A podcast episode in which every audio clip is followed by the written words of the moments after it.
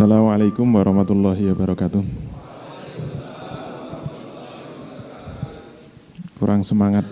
Assalamualaikum warahmatullahi wabarakatuh. Sunahnya tiga kali. Assalamualaikum warahmatullahi wabarakatuh.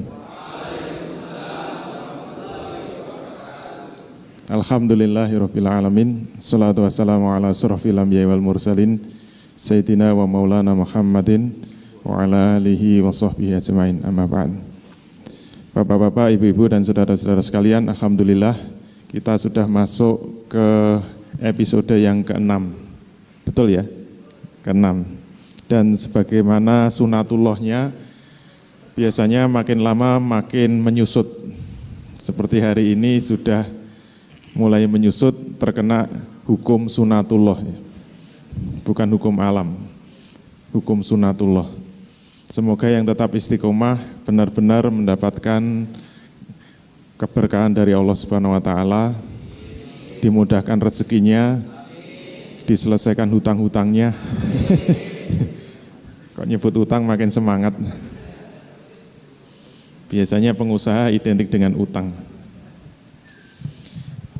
Baik kita mulai untuk malam hari ini kita akan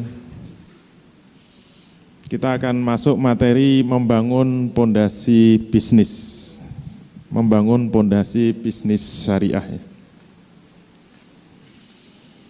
Ini gambarnya adalah pondasi. Ada yang bisnisnya dalam bidang konstruksi atau properti, Biasanya kalau kita ditanya tentang membangun pondasi, pondasi yang bagus itu pondasi yang seperti apa? Pondasi yang ideal tentu saja pondasi yang kuat, pondasi yang kokoh, pondasi yang dalam. Itu biasanya kalau kita berbicara konstruksi. Ternyata dalam dunia bisnis kita juga perlu memiliki pondasi yang kuat, pondasi yang kokoh. Kenapa seperti itu? Terus terang saya bergaul dengan para pebisnis, dengan para pengusaha itu sudah cukup lama. Dan biasanya yang menjadi andalan saya kalau ketemu pengusaha itu kan saya ingatkan dengan hukum-hukum tentang riba. Saya ingatkan tentang hukum-hukum mengambil utang dengan bunga. Saya ingatkan bahwa bunga itu sama dengan riba. Alhamdulillah ada yang mau diingatkan, mau sadar, tapi juga ada yang cuek begitu saja. Mereka tahu bahwa bunga itu sama dengan riba. Dan mereka juga tahu bahwa riba itu haram. Sudah tahu kenapa kemudian dalam bisnisnya tetap bergelut dengan riba. Dan tidak ada upaya sedikit pun untuk berusaha keluar dari jeratan riba dengan seribu satu macam alasan. Alasannya kalau saya tidak mengambil utang ke bank, terus saya mau cari modal dari mana? Kalau saya itu tidak e, mengambil utang dengan bunga, terus saya mendapat modal dari mana? Biasanya alasan-alasan tersebut terus digelindingkan, sehingga merasa tidak berdosa sama sekali dalam menjalankan bisnisnya. Nah itu salah satu contoh Kenapa sudah diingatkan dengan hukum, sudah diingatkan dengan hukum syariat, sudah diingatkan itu hukumnya haram, tetapi kenapa tidak bergeming? Saya yakin itu menurut pemahaman saya, barangkali itu pondasinya yang tidak kokoh. Pondasinya yang tidak kuat. Biasanya orang kalau sudah diingatkan dengan ancaman itu haram, diingatkan dengan ancaman neraka, kok sudah tidak ngefek lagi, sudah tidak berpengaruh lagi, itu saya curiga jangan-jangan itu yang tidak beres memang pondasinya. Nabi mengingatkan kurang lebih kalau ada orang, ini kurang lebih ya maknanya, kalau ada orang diingatkan dengan neraka kok sudah tidak takut. Silahkan berbuat semaumu. Kasarnya itu begitu. Kalau ada manusia yang diingatkan dengan ancaman neraka kok sudah tidak takut. Silahkan bisnis semaumu. Itu berarti apa? Memang pondasinya yang sudah tidak beres. Oleh karena itu yang kita harapkan bagaimana kita bisa membangun pondasi bisnis itu dengan pondasi bisnis yang membangun bisnis yang kuat, membangun bisnis yang dalam, membangun bisnis yang benar, agar bisnis kita itu membawa berkah di dunia dan di akhirat. Ini yang akan kita bicarakan. Saya menganalogikan dengan pondasi karena kalau kita itu membangun sebuah bangunan, pondasi itu tetap menjadi kata kunci. Ibaratnya nanti kita akan lihat terus-menerus.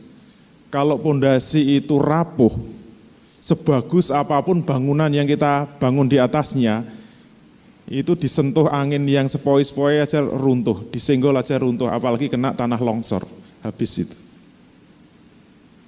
Itu bahayanya kalau pondasi itu rapuh. Termasuk walaupun itu pondasi kuat, tapi miring. Kalau kita itu membangun rumah pondasinya miring, maka seluruh bangunan di atasnya itu miring. Saya khawatir penghuninya juga agak miring. Bahaya kan kalau otaknya agak miring. Nanti kita bisa melihat. Dalam bicara pondasi, kalau kita salah sedikit, miring sedikit saja, misalnya saya ambil contoh. Kalau kita itu berbisnis ya, dalam dunia bisnis kalau ditanya, kalau bisnis Anda itu sukses, kemudian mendapat rezeki yang melimpah ruah. Saya ingin tanya, sebenarnya rezeki yang kita peroleh itu berasal dari mana? Apakah itu berasal dari Allah Subhanahu wa taala atau berasal dari usaha kita? Ini sangat tergantung dari jawaban. Begitu kita salah menjawab itu sebenarnya kita sudah meletakkan pondasi yang salah atau miring. Dan semua akan berimplikasi kepada perbuatan kita. Begitu pondasi salah, maka implikasinya pada seluruh perbuatan kita. Perbuatan kita bisa salah semua. Gara-gara pondasinya salah, pondasinya miring. Kalau kita menjawab bahwa rezeki itu semuanya dari Allah, begitu ya. Kita yakin semua rezeki dari Allah, itu kalau tidak hati-hati, pemahaman kita tidak benar. Terus saya ingin tanya, untuk apa kita itu bekerja? Untuk apa berusaha? Dan untuk apa kita sekolah bisnis? Kita belajar bisnis? Untuk apa kita kursus bisnis? Enggak ada gunanya kan? Kita itu mau bisnis sungguh-sungguh, rezeki sudah dijatah. Kita mau enak-enakan, rezeki sudah dijatah. Bahkan enggak berusaha sama sekali, baru lahir saja, ngelirik belum bisa, itu rezeki sudah melimpah ruah. Kalau memang jatahnya banyak. Ini kalau pada miskin semua, bisnisnya itu seret semua, memang jatahnya segitu. Ngapain berusaha sungguh-sungguh? Jadi begitu kita memahami rezeki dari Allah, itu kalau salah juga implikasinya bisa panjang. Sebaliknya kalau kita memahami Rezeki itu tergantung dari usaha manusia. Allah tinggal menunggu. Siapa yang mau berusaha, Allah akan ngasih banyak. Siapa mau e, malas-malasan, kasih sedikit. Ini bahaya juga. Kenapa? Dia merasa bahwa apa yang didapatkan itu hasil usahanya. Menimbulkan apa? Kesombongan kan? Allah tinggal mengikuti saya gitu. Saya sukses kenapa? Ya karena kehebatan saya. Kalau saya nggak bekerja keras, nggak akan dapat. Itu bahayanya kalau sampai salah di dalam memahami pondasi bisnis. Termasuk tadi yang saya contohkan. Kalau dia menganggap semua tergantung pada usahanya, tidak mau terlihat lagi kepada Allah, akhirnya diingatkan dengan hukum halal haram sudah tidak mau lagi. Itu semua dipengaruhi oleh pondasi. Oleh karena itu, sebagai pembuka, saya ingin mengingatkan dengan sabda Rasul berkaitan dengan bisnis. Ingat ini ada satu hadis yang cukup panjang. Anin Nabi Shallallahu Alaihi Wasallam dari Nabi Shallallahu Alaihi Wasallam, kola Rasul bersabda. Ini ada hadis yang cukup panjang untuk kita jadikan pegangan. Apa sabda Nabi? La yazulu qadma ibni adama yaumal qiyamati min indi rabbihi kata yus'alu kata yus'ala an khamsin. Jadi sabda Nabi tidak akan beranjak dari sisi, sisi Tuhannya, tidak akan bergeser dua telapak kaki anak Adam dari sisi Tuhannya besok di hari kiamat sebelum selesai lima pertanyaan. Jadi besok di hari kiamat semua manusia akan dibangkitkan mulai dari manusia pertama sampai manusia terakhir. Manusia pertama itu Nabi Adam, manusia terakhir saya belum kenal. Dan nanti akan dipanggil satu-satu, di absen satu-satu. Saya nggak tahu nomor berapa. Kemudian akan berdiri di atas dua kakinya dan akan ditanya lima perkara. Aslinya sebenarnya pertanyaan ini hanya empat, tapi ada yang berbuntut dua, jadi lima. Pertanyaan pertama apa? An umrihi fima afnahu. Pertanyaan pertama, kamu diberi umur, kamu gunakan untuk apa? Sederhana kan? Silahkan dicatat pertanyaannya. Dan boleh nanti jawabannya ditulis, nanti kalau mau mati disai, ditaruh di saku. boleh kok, ngepek boleh nyontek sebelum digebuki malaikat. Pertanyaannya sederhana kan? Pertanyaan nomor satu, kamu diberi umur, kamu gunakan untuk apa? Berarti jawabannya kan seluruh umur kita, mulai dari sejak kecil sampai besok meninggal dunia. Kita harus menjawab satu persatu. Dan mulut yang bicara itu tidak mungkin bisa bohong. Kalau bohong nanti disaut, tangannya bisa ngomong, kakinya bisa ngomong, mungkin telinganya ngomong, matanya ngomong, semuanya bisa bersaksi, termasuk teman-temannya juga bisa bersaksi, semua manusia yang kita pernah ketemu juga bisa menggugat. Itu kalau dalam buku saya, saya tulis dalam buku pahala investasi. Eh, yang dosa investasi. Saling gugat menggugat itu. Kalau dalam buku saya dosa investasi itu kan Dosa itu ada tiga macam. Itu termasuk jenis yang kedua.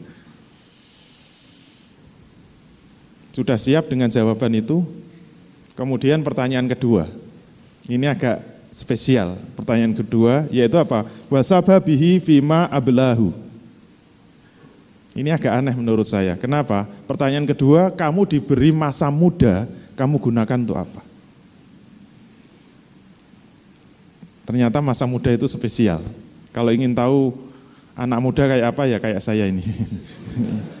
Masih muda gitu. Umur saya kira-kira 20 lebih sedikit lah. Menurut ahli psikologi, masa muda itu kira-kira 15 sampai 40. Itu dianggap rentang masa muda. Berarti kalau sudah beyond 40, sudah di atas 40 tahun, itu sudah dianggap tua. Alhamdulillah saya belum sampai belum sampai 60. Jadi kalau sudah di atas 40 itu biasanya orang sudah mulai establish, mulai stabil. Kejiwaannya, emosinya, mentalnya, perilakunya, kelakuannya, sifat-sifatnya mulai stabil. Makanya kalau sudah di atas 40 biasanya menerima nasihat-nasihat baru itu biasanya agak kurang diperhatikan. Dia sudah mulai merasa mapan hidupnya untuk berubah itu sudah agak susah. Beda dengan masa muda, itu masa di mana orang itu mencapai usia yang sangat dinamis. Perubahan-perubahan itu bisa terjadi di masa muda. Tuntutan perubahan yang sangat mungkin sangat mendasar itu dia masih siap. Tapi kalau sudah masa tua itu sudah susah.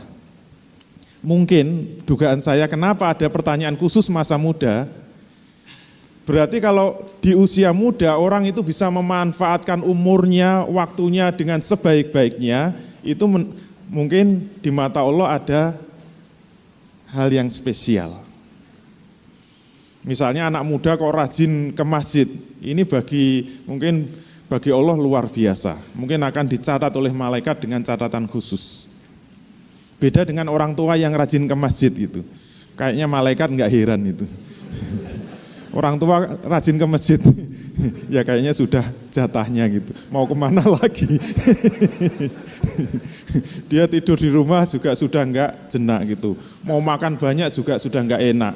Mau main perempuan juga sudah nggak kuat gitu. Mau pergi ke mana-mana juga sudah badannya sudah loyo gitu loh.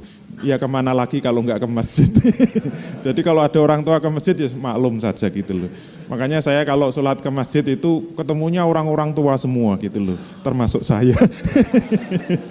ya sudah mau apa lagi. Maka kalau ada anak muda kok masih rajin dakwah, masih rajin berjuang, masih rajin apa? Rajin ke masjid itu luar biasa di mata Allah.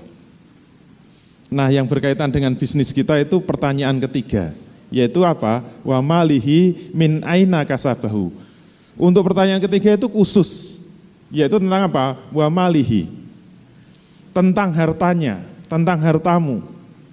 Khusus untuk harta itu ternyata melahirkan dua pertanyaan. Pertanyaan pertama adalah min aina kasabahu. Dari mana kamu memperolehnya?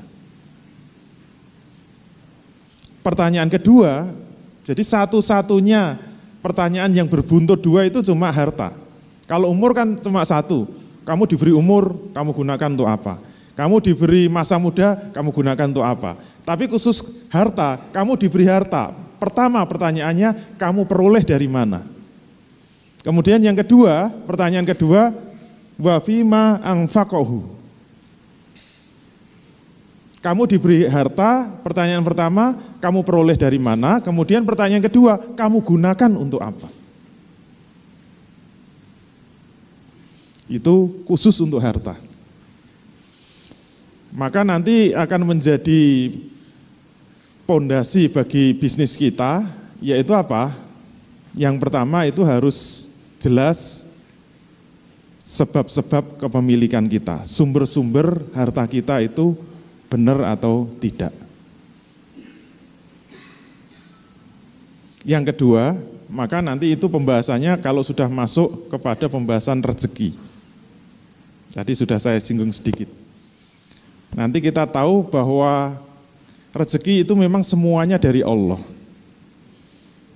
Semua sudah disiapkan oleh Allah.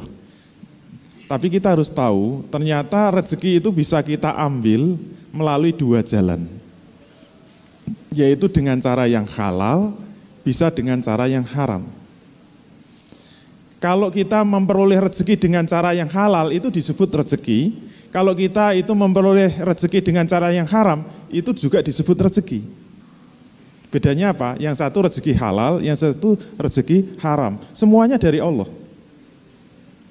Misalnya ya, kalau ada orang nyolong sepeda motor, mencuri sepeda motor, kok enggak ketangkep, sampai rumah sukses, dijual juga sukses, dia dapat uang, dijual dapat 5 juta. Tidak tersentuh sama sekali, itu berarti rezeki dia. Tapi itu rezeki yang haram. Kenapa? Karena sebab perolehannya dengan cara yang haram. Tapi kalau mencuri sepeda motor kok ketahuan, itu belum rezekinya. baru dituntun hujan-hujan ketangkep namanya ketangkep basah itu belum rezekinya gitu. Jadi jangan dianggap kalau disebut rezeki itu mesti halal enggak. Semua yang sampai kepada kita itu disebut rezeki. Bisa halal bisa haram. Maka rezeki yang kita peroleh dengan cara yang halal itu ya itulah yang kemudian nanti disebut sebagai kepemilikan. Itulah milik kita.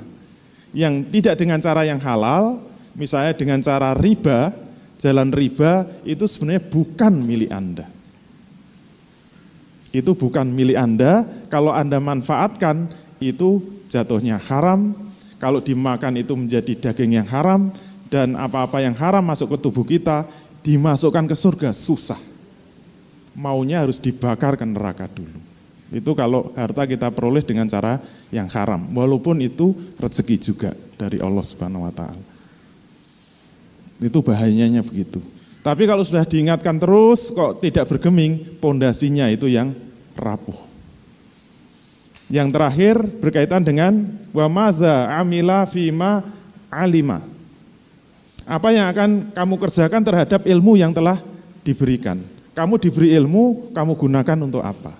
Itu pertanyaan yang terakhir. Nah, oleh karena itu berkaitan dengan harta inilah yang kita harus waspadai karena itu yang akan membawa kita ke neraka atau ke surga. Ada peringatan dari Allah yang harus kita renungkan. A'udzubillahi minasyaitonirrajim. Walaqad zara'na li jahannama katsiran minal jinni wal insi.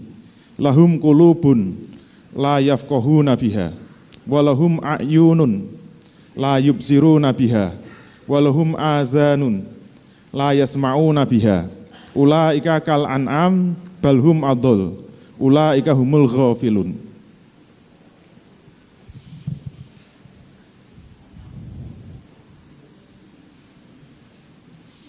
Ini ada peringatan dari Allah. Walaqad zarokna li jahannama.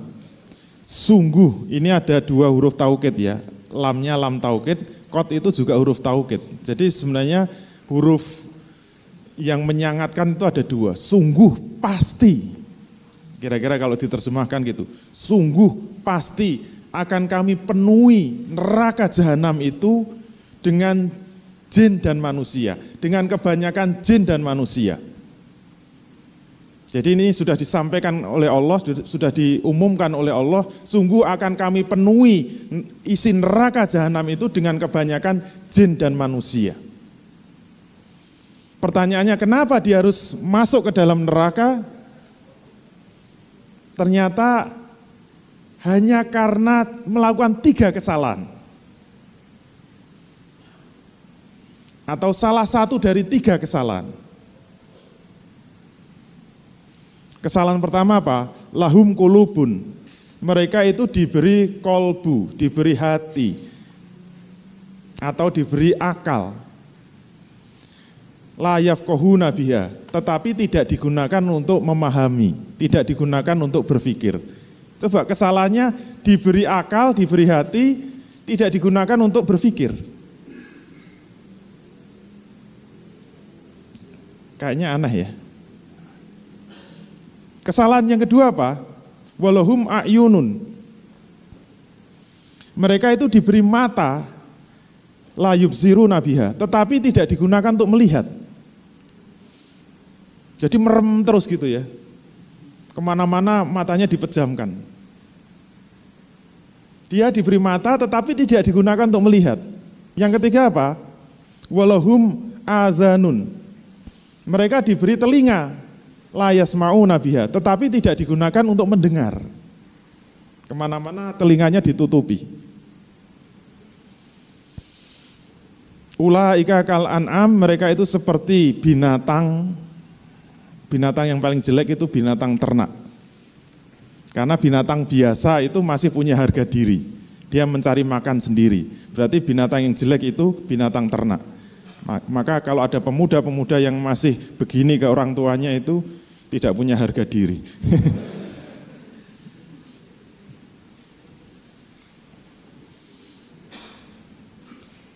Balhum adol, tetapi lebih sesat lagi lebih rendah lagi derajatnya. Ulaika humul ghafilun. Mereka itulah orang-orang yang lalai. Sekarang kita lihat. Mereka masuk neraka karena tiga kesalahan. Yang pertama punya hati tidak digunakan untuk memahami, punya mata tidak digunakan untuk melihat, punya telinga tidak digunakan untuk mendengar. Mengapa? Saya ulangi, mereka masuk neraka karena tiga kesalahan. Punya hati tidak digunakan untuk memahami, Punya mata tidak digunakan untuk melihat, punya telinga tidak digunakan untuk mendengar. Mengapa harus masuk neraka? Hanya gara-gara melakukan ini. Ini kalau kita tidak mengkaji secara mendalam agak susah memahami. Apa hubungan antara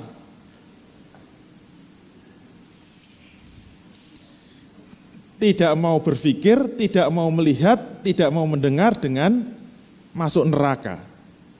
Ini susah memahaminya. Kecuali kita lanjutkan ayat berikutnya. Ini gambar apa? Gajah. Salah. Gajah kemayu. ayat berikutnya mengatakan mereka itu seperti binatang ternak. Mereka itu seperti binatang. Nah, kayaknya yang bisa mengurai maksud dari Allah Subhanahu wa taala itu bisa kita lihat dari ayat selanjutnya. Ulaika kal an'am. Mereka itu seperti binatang ternak. Nah, coba kita buka rahasianya.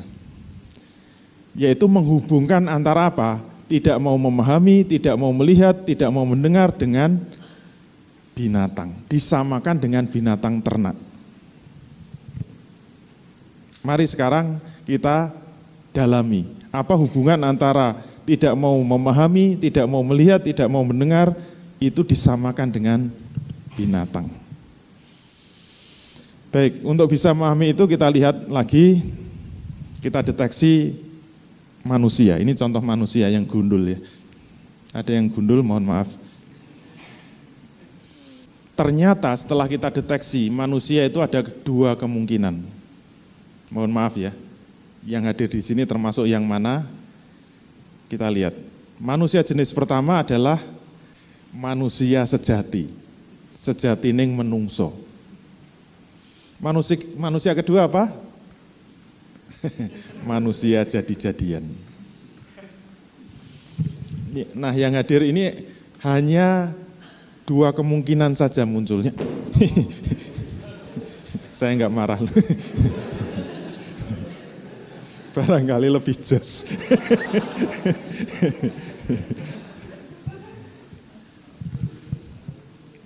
Mohon maaf Bapak Ibu sekalian, menurut penilaian saya Bapak Ibu sekalian itu kemungkinannya hanya dua saja. Kalau enggak manusia sejati, manusia jadi-jadian. Jadi bentuknya manusia, tapi sebenarnya hanya kelotokannya saja. Dalamnya itu bukan manusia. Gitu. Nah untuk membedakan itu cirinya apa? Manusia sejati itu cirinya dipimpin oleh akal. Apa yang disebut dipimpin oleh akal berarti sebelum dia melakukan perbuatan itu berpikir dulu. Kalau manusia jadi-jadian itu apa? Manusia yang dipimpin oleh nafsu. Jadi yang muncul apa? Keinginan dulu baru berpikir. Itu yang membedakan gitu.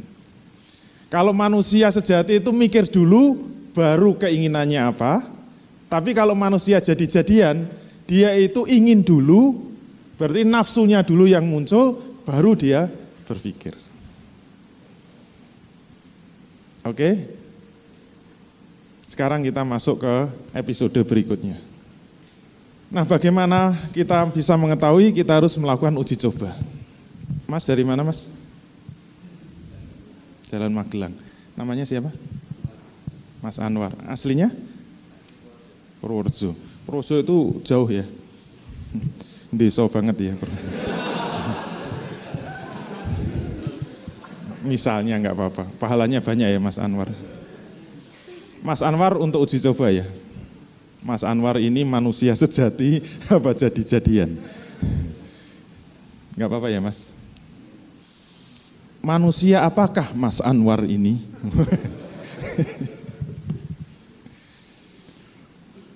Mas Anwar itu orang desa. Kalau desa itu agak keren. Kalau desa itu benar-benar asli. Purworejo aja kemeringat gitu. Purworejonya mana mas? Kemudian kita bawa ke Jogja.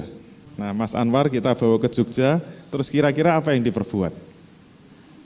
Ini berkat jasa saya, ini Mas Anwar saya ambil, oke? Okay?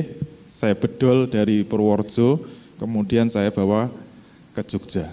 Ingat Purworejo desa ya, nggak pernah lihat apa-apa kecuali kebu, misalnya gitu.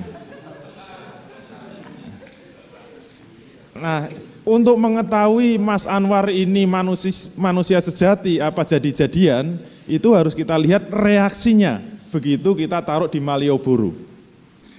Kita taruh mana? Malioboro. Terus kita tugasnya apa? Melihat dari atas.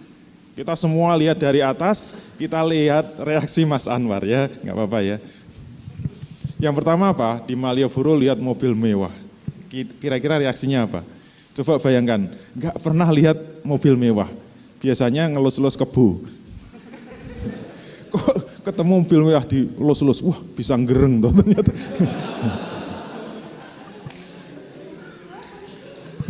Nah reaksinya apa kita lihat. Ternyata nafsunya muncul. Terus dia tertarik. Maka dia akan menggunakan akalnya untuk berpikir. Yaitu apa? Bagaimana cara untuk mendapatkan mobil ini. Berarti yang muncul apanya dulu? Nafsunya dulu, keinginannya dulu. Begitu dia tertarik, wah ini mobil bagus, kenceng lagi larinya, walaupun kakinya sama-sama empat. Terus apa yang dilakukan? Dia berpikir, berpikir, dia peras otaknya bagaimana bisa memperoleh mobil itu. Sudah sukses dapat mobil, jalan lagi. Melihat apa? Kita lihat. Di Malioboro semua tersedia kan. Melihat toko, perhiasan, kalung emas berlian banyak sekali. Biasanya cuma pakai gelang suket. Misalnya. Ini ada gelang oh, begitu mewah gitu, begitu indah. Apa reaksinya? Nafsunya langsung muncul. Dia langsung tertarik. Maka dia akan gunakan akalnya, dia peres otaknya untuk berpikir bagaimana caranya mendapatkan gelang ini. Oke, sukses, jalan lagi. Ketemu apa? Wah, melihat berbagai rumah yang mewah. Mohon maaf itu rumah saya ya. saya belum mendapatkan contoh rumah yang lebih bagus dari rumah saya. Jadi saya terpaksa foto rumah saya sendiri, rumah masa depan. Ini ukurannya coba dua kali tiga meter. Kuburan maksudnya. Melihat rumah yang mewah, nafsunya muncul. Dia tertarik. Maka dia gunakan akalnya untuk berpikir keras bagaimana bisa memperolehnya. Sudah rumah biasanya omah-omah kan, ketemu apa? Makanan yang lezat-lezat. Reaksinya apa? Nafsunya muncul, dia tertarik, maka dia berpikir bagaimana bisa mendapatkan makanan yang lezat. Sudah lengkap, punya mobil mewah, perhiasan, rumah, sudah kenyang, jalan lagi. Ketemu apa? Iya. Pernah lihat ini mas? Biasanya cuma kambing. lihat wanita cantik. Apa reaksinya? Nafsunya muncul, dia tertarik, kemudian dia berpikir keras bagaimana bisa ngembat cewek ini. Apa kesimpulannya? Kita lihat. Manusia apakah dia, Mas Anwar ini? Ternyata kesimpulannya dia bukan manusia. Mohon maaf. Kenapa? Dia itu manusia jadi-jadian. Mohon maaf ya Mas. Ternyata bukan manusia. Sampingnya hati-hati. Dia hanya manusia jadi-jadian.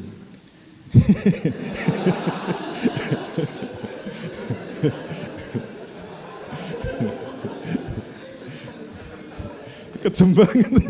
Ini yang salah yang nulis. Dia sama dengan binatang. Bedanya cuma satu. Apa bedanya? Bedanya cuma satu, yaitu apa? Kita lihat. Bedanya apa? Apa bedanya kanan dengan kiri? Rambutnya sama-sama pirang kan? Pirang-pirang matanya sama-sama dua, ini juga dua, hidungnya satu, mulutnya satu sama. Apa coba bedanya? Kanan sama kiri. Yang kanan apa? Manusia, yang kiri binatang. Apa ciri-ciri binatang kita buka? Kalau kita melihat binatang, tadi kan Allah sudah mengatakan ula ika kal an'am. Mereka itu seperti binatang ternak. Apa ciri-ciri binatang? Binatang itu bergerak, binatang itu berbuat, binatang melakukan apa saja itu atas dorongan nafsunya. Kalau binatang pengen makan, dia akan cari makan. Kalau binatang ingin tidur, maka dia akan tidur. Binatang ingin jalan-jalan, maka dia jalan-jalan. Binatang ingin pulang, dia pulang. Binatang ingin kerja, oh enggak bisa. Berarti apa? Yang menggerakkan binatang itu hanya satu, yaitu apa? Nafsunya. Terus apa bedanya dengan manusia? Kalau manusia, penggeraknya juga nafsu. Lihat mobil mewah kepengin, lihat rumah mewah pengen, lihat manusia mewah kepengin, lihat makanan mewah kepengin. Terus apa bedanya ini dengan ini? Sekali lagi, bedanya apa? Kita buka. Bedanya hanya satu, yaitu apa? Manusia lebih rendah dari binatang. Manusia lebih jelek dari binatang. Manusia lebih sesat dari binatang. Mohon maaf ya, hanya contoh saja gitu. Kenapa? Jika manusia itu memenuhi dorongan nafsunya, kemudian didukung oleh akalnya, akibatnya apa?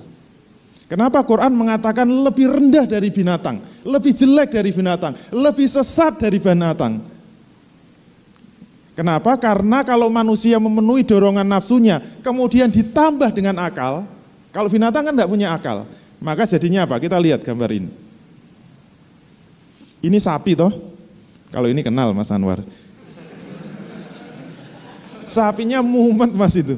Kalau nggak dipegangi pingsan dia. Lihat kelakuannya Mas Anwar. Coba kita lihat. Kalau sapi perlu makan, sapi akan makan rumput secukupnya. Kalau sudah kenyang diam dia. Coba kalau manusia. Manusia maka rumput satu keranjang nggak cukup. Bahkan seluruh hutan akan dia makan. Tidak hanya hutan, hutan-hutan dia akan makan. Bahkan seluruh gunung dia bisa telan. Kenapa? Karena dia punya nafsu plus akal. Maka akan lebih mengerikan daripada binatang. Itulah manusia jadi-jadian. Sudah tahu contohnya ya? Baik kita buka. Ternyata uji coba pertama gagal. Sampingnya siapa mas? mas Huda, dari mana mas? Eh? Bantul. Wah tetangga saya. Padahal harus cari orang desa. Bantul tuh desa. ya saya ini desa. Mari kita uji coba yang kedua. Mas Anwar lagi. Karena sama-sama Bantul kita batalkan. Daripada melecehkan diri sendiri. Mas Anwar kita ambil lagi. Dari mana Mas? Purworejo. Kita uji coba lagi sampai kapok. Ingat Mas Anwar tidak berubah statusnya, masih dari desa, wong deso. Kita bawa ke Yogyakarta, terus apa kira-kira yang akan diperbuat? Kita taruh di Malioboro, kemudian kita lihat rame-rame di atas. Lihat mobil yang mewah. Mobil dua wanita karuan apa reaksinya? Nafsunya langsung muncul, Mas Anwar. Lihat mobil. Dia tertarik, dilus-lus, dijilat-jilat. Terus reaksinya apa? Namun dia hanya diam. Kok sekarang aneh Mas Anwar? Tanya, tertarik sama mobilnya? Tertarik, pengen, pengen. Pengen dapat? Iya. Terus diam. Kok cuma diam? Oh mungkin dia kurang tertarik sama mobil, dia jalan lagi. Kita lihat, lihat perhiasan yang super mewah. Enggak tahu ini berapa harganya gitu. Nafsunya muncul, dia tertarik. Namun dia juga hanya diam. Kenapa Mas diam? Mungkin enggak, enggak tertarik sama perhiasan, jalan lagi. Mungkin ingin sama rumah saya yang lain. tertarik dengan rumah yang mewah, nafsunya muncul. Saya tanya, pengen mas sama rumah ini? Iya pengen. Benar pengen? Iya. Terus apa reaksinya? Ternyata dia juga hanya diam. Kira-kira kenapa ya? Kita curiga. Oh mungkin dia lapar. Dia jalan. Melihat makanan yang lezat. lapar mas? Iya lapar gitu. Mau nggak ini? Mau, mau, nafsunya muncul. Langsung ini disodori, silahkan makan. Ternyata disentuh aja enggak, dia cuma diam. Kira-kira kenapa ya? Oh mungkin kangen sama yang di desa, kita lihat. Mungkin ini penyebabnya. Melihat wanita yang cantik, kok nggak ada gambarnya? Uh, uh, dia maunya yang pakai kerudung. Kalau tadi nggak pakai kerudung nggak mau dia. Barangkali yang pengennya kayak gini. Mohon maaf ya yang kalau fotonya ada yang terpampang di sini. Langsung reaksinya lebih menggebu-gebu. Nafsunya muncul, dia tertarik. Kira-kira apa yang dilakukan? Ternyata dia juga diam. Tetap diam juga. Terus pertanyaannya mengapa Mas Anwar hanya diam? Hanya duduk sendiri di malam yang sunyi ini, tiada yang menemani. Bisanya buat puisi. Mengapa Mas Anwar hanya diam? Mengapa Mas Anwar hanya duduk saja? Terus mengapa dia tidak berbuat apa-apa? Padahal keinginannya banyak. Kalau tanya lagi, pengen mobil? Iya pengen. Pengen rumah? Pengen. Pengen wanita? Pengen. Pengen makanan? Pengen. Semuanya pengen, semuanya pengen. Tapi kenapa hanya diam saja? Padahal keinginannya banyak. Nah pertanyaannya Mas Anwar ini manusia apa? Jangan-jangan kita lihat. Ternyata manusia ini tidak akan pernah berbuat apa-apa. Ini mau kita biarkan sehari dia cuma duduk saja. Kita biarkan dua hari duduk saja, tiga hari duduk saja. Walaupun dia lapar tetap duduk. Walaupun dia sudah lemes duduk, sudah haus duduk, dia pengen macam-macam, dirayu apa saja, tetap duduk, tetap diam. Tidak berbuat apa pun juga. Jangankan berbuat, berdiri aja nggak mau, melangkahkan satu kaki aja nggak mau. Dia tetap duduk di situ. Tetap di Malioboro. Kita hanya bisa melihat di atas, melihat Mas Awar diam membisu, seribu kata. Ternyata apa? Mas Anwar ini tidak akan pernah berbuat apa-apa sebelum dia berpikir. Nah kira-kira yang difikirkan apa? Jadi untuk mengetahui Mas Anwar ini manusia apa, itu harus dilihat. Pertanyaannya yang dia pikirkan itu apa? Kita buka. Untuk mengetahui dia itu manusia sejati atau tidak, Tergantung apa yang dipikirkan. Kalau yang dipikirkan aku kangen emak ya sama yang di Purworejo, gagal jadi manusia sejati. Ternyata yang dipikirkan apa? Kita buka. Nah, nggak main-main. Kok kamu diam saja kenapa Mas Anwar? Saya tetap akan diam di sini terus. Saya tetap akan duduk di sini terus. Saya tidak akan melakukan apa-apa Jangankan berbuat, melangkahkan kaki satu langkah pun tidak. Kenapa? Saya ingin tanya. Saya dibawa ke Yogyakarta itu sebenarnya untuk apa sih? Sebelum saya mendapatkan jawaban, maka saya tetap akan duduk di sini. Tolong, yang bawa saya ke sini siapa? Pak Condro. Mana Pak Condro? Bawa sini. Apa tujuan saya dibawa ke Jogja? Terus untuk apa saya harus berada di Jogja? Apakah saya di Jogja hanya untuk cari-cari mobil? Memangnya maklar mobil. Apakah hanya untuk cari-cari rumah? Memangnya maklar rumah. Apakah hanya untuk cari-cari makan? Di Purworejo banyak makanan. Apakah hanya untuk ngejar-ngejar cewek? Cewek Purworejo lebih bagus. Saya tidak akan berbuat apa pun sebelum dijawab. Sebenarnya tujuan saya dibawa ke Jogja itu untuk apa? Inilah hakikat manusia yang sebenarnya. Manusia emas, manusia sejati. Jadi yang berwarna emas ini Mas Anwar, samping kanan kiri belakangnya itu hitam semua. Ini manusia jadi-jadian. Ternyata yang hebat cuma Mas Anwar gitu.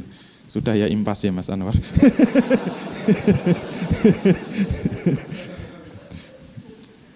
Jangan-jangan marah nanti saya nggak jadi pulang ke rumah. Ternyata Mas Anwar ini manusia yang sebenarnya manusia yang sejati, sejati ning menungso, bukan manusia dari godong jati.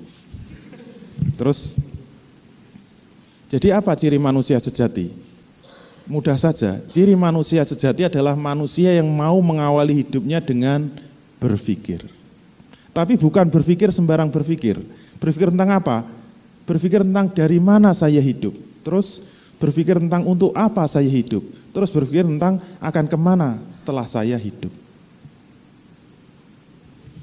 Saya menganalogikan seperti orang yang dibawa dari Purworejo ke Jogja. Harusnya orang begitu sampai ke Jogja itu bukan langsung ke mana-mana. Wah saya pengen ini, pengen itu, saya pengen sekolah di sini, sekolah itu. Kita itu nggak sadar, umur kita mungkin ada yang sudah 30 tahun, ada yang 20 tahun, ada yang 40 tahun. Sudah pergi ke mana-mana, sudah melakukan aktivitas apa saja, tapi kita tidak pernah mengawali seluruh aktivitas kita itu dengan berpikir. Yang disebut berpikir untuk mengawali hidup itu berpikir apa? Saya ini hidup untuk apa? Saya ini harus lahir ke dunia itu untuk apa? Kalau kita tidak bisa mengawali hidup dengan pertanyaan itu, jangan mengatakan kita itu manusia. Mohon maaf, Anda tidak layak disebut manusia. Itu manusia jadi-jadian. Kalau ada manusia mengaku dirinya manusia, dia sudah melakukan apa saja, tetapi tidak pernah mengawal hidupnya dengan berpikir, yaitu bertanya, sebenarnya saya lahir ke dunia untuk apa? Apa sebenarnya tujuan saya hidup ke dunia? Maka itu sebenarnya tidak layak disebut manusia. Dia itu manusia jadi-jadian, dia itu sama seperti binatang, cuma lebih jelek, lebih rendah, lebih sesat dari binatang. Dan manusia seperti inilah yang menghancurkan kehidupan umat manusia. Yang menghancurkan bumi, yang menghancurkan alam semesta itu manusia seperti ini. Kenapa? Semua hidupnya dituntun oleh nafsu tetapi ditambah dengan akalnya. Itulah yang mengakibatkan remuknya kehidupan dunia ini. Remuk. Dan kalau kita mau jujur, kita boleh survei. Kalau manusia sekarang 7 miliar, berapa yang disebut manusia yang sejati. Yang benar-benar mau mengawali hidupnya dengan pertanyaan ini. Saya sebenarnya lahir ke dunia ini untuk apa? Begitu dia bertanya, saya lahir ke dunia untuk apa, maka akan muncul pertanyaan berikutnya. Terus yang menciptakan saya itu siapa? Pertanyaan berikutnya, terus kalau saya sudah mati, itu akan ke mana? Dan itulah yang disebut misteri hidup, itulah yang membelenggu hidup, yang itulah yang menyebabkan kita itu seperti manusia yang masuk ke dalam kotak yang gelap di tengah terang benderangnya hidup ini. Maka selama dia tidak mengawali hidupnya dengan ini, maka sebenarnya dia itu tidak layak disebut manusia. Bukan manusia yang sejati. Oleh karena itu setiap manusia sangat membutuhkan jawaban. Dia tidak akan menjalani seluruh hidupnya kecuali dia sudah bisa menjawab pertanyaan. Normalnya manusia itu harusnya gitu. Sebelum saya tahu apa tujuan hidup saya, maka saya akan terus duduk di sini. Persis seperti Mas Anwar. Itulah manusia sejati. Dari tadi kita bawa taruh Malioboro keinginannya macam-macam, tapi dia diem saja. Kenapa? Lapar. Enggak jadi manusia sejati. Saya ingin tahu, saya sebenarnya dibawa ke sini itu untuk apa? Itu yang seharusnya kita jawab terlebih dahulu. Nah, sebaliknya, jika dia memperoleh jawaban, maka dia seperti terbang ke angkasa. Dia seperti melambung ke atas langit. Dia akan bangkit, dia akan menjadi manusia yang semangat dan hidupnya akan terus semangat. Kenapa? Dia sudah tahu hakikat hidupnya. Dia akan melihat dunia itu menjadi terang benderang. Walaupun di kegelapan malam. Walaupun di dalam malam yang sunyi dan sepi ini. Tapi kalau dia merenung seorang diri, kemudian mendapatkan jawaban itu, dia langsung bangkit, dia langsung semangat, dia akan melihat dunia itu terang benderang di dalam kegelapan malam. Itulah hebatnya jawaban itu. Nah jawaban itu sekaligus menjadi apa? Jawaban itu akan sekaligus menjadi pengikat. Pengikat apa? Pengikat seluruh pemikirannya, pengikat seluruh perasaannya, dan pengikat seluruh perbuatannya. Loh kok bisa begitu? Kayaknya sepele ya, kita ulangi lagi. Mas Anwar ya. Diulangi ya. Kita taruh ke Malioboro, kemudian hanya duduk saja. Kita tanya, kenapa mas hanya duduk saja? Saya ini galau. Saya sebenarnya dibawa ke Jogja itu untuk apa? Sebelum saya mendapatkan jawaban ini, saya dibawa ke Jogja untuk untuk apa? Saya akan duduk di sini terus. Maka kalau ingin tahu saya dibawa ke Jogja untuk apa, panggil yang bawa saya. Pak Condro bawa sini. Saya datang dari Bantul ya, temannya Mas Huda. Ada apa? Yang bawa Mas Anwar siapa? Saya. Kenapa Mas Anwar? Saya akan mogok duduk di sini terus sebelum saya tahu sebenarnya saya dibawa ke Jogja untuk apa. Jawaban dari Pak Condro ini saya tunggu betul. Sudah tujuh hari tujuh malam saya ingin mendengar jawaban dari Pak Condro.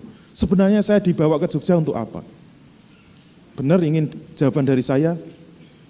Kasih tahu enggak ya? Ini yang saya tunggu-tunggu, jangan cengenges-cenges Pak Condro ini. Ini saya serius ini menentukan ini menentukan hidup mati saya gitu. Mas Anwar kan jawabnya gitu. Benar pengen tahu? Benar. Ini saya tunggu-tunggu, jawab. Sabar dong. Ada ilmu retorikanya.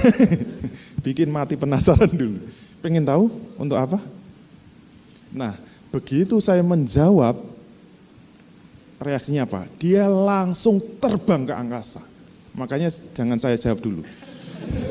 Kita harus ambil ancang-ancang. Benar ingin tahu jawabannya? Siap, saya buka. Semuanya siap? Ini sudah udah nganu, ambil ancang-ancang mau terbang. Kenapa? Itu yang ditunggu-tunggu. Itulah titik bangkit manusia ketika dia tahu jawaban untuk apa dia hidup di dunia. Atau untuk apa saya dibawa ke Jogja? Ternyata saya jawab, pengen tahu jawabannya sangat dahsyat.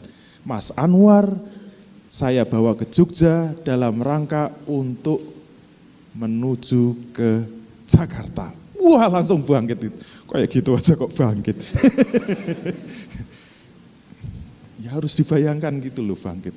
Ternyata tujuannya ke Jakarta. Wah kita lihat Mas Anwar dulu langsung bangkit gembira dia Alhamdulillah, Allahu Akbar, takbir, takbir, keliling-keliling itu. Ke Jakarta. Misalnya gitu, sewenang muter-muter gitu. Maka kita langsung lihat reaksinya. Seluruh pemikirannya itu ke Jakarta fokusnya. Dia tidak akan berpikir kecuali menuju Jakarta. Ya enggak? Itu tidak hanya pemikirannya, seluruh perasaannya juga terbawa ke Jakarta. Perasaan itu senang tidak senang.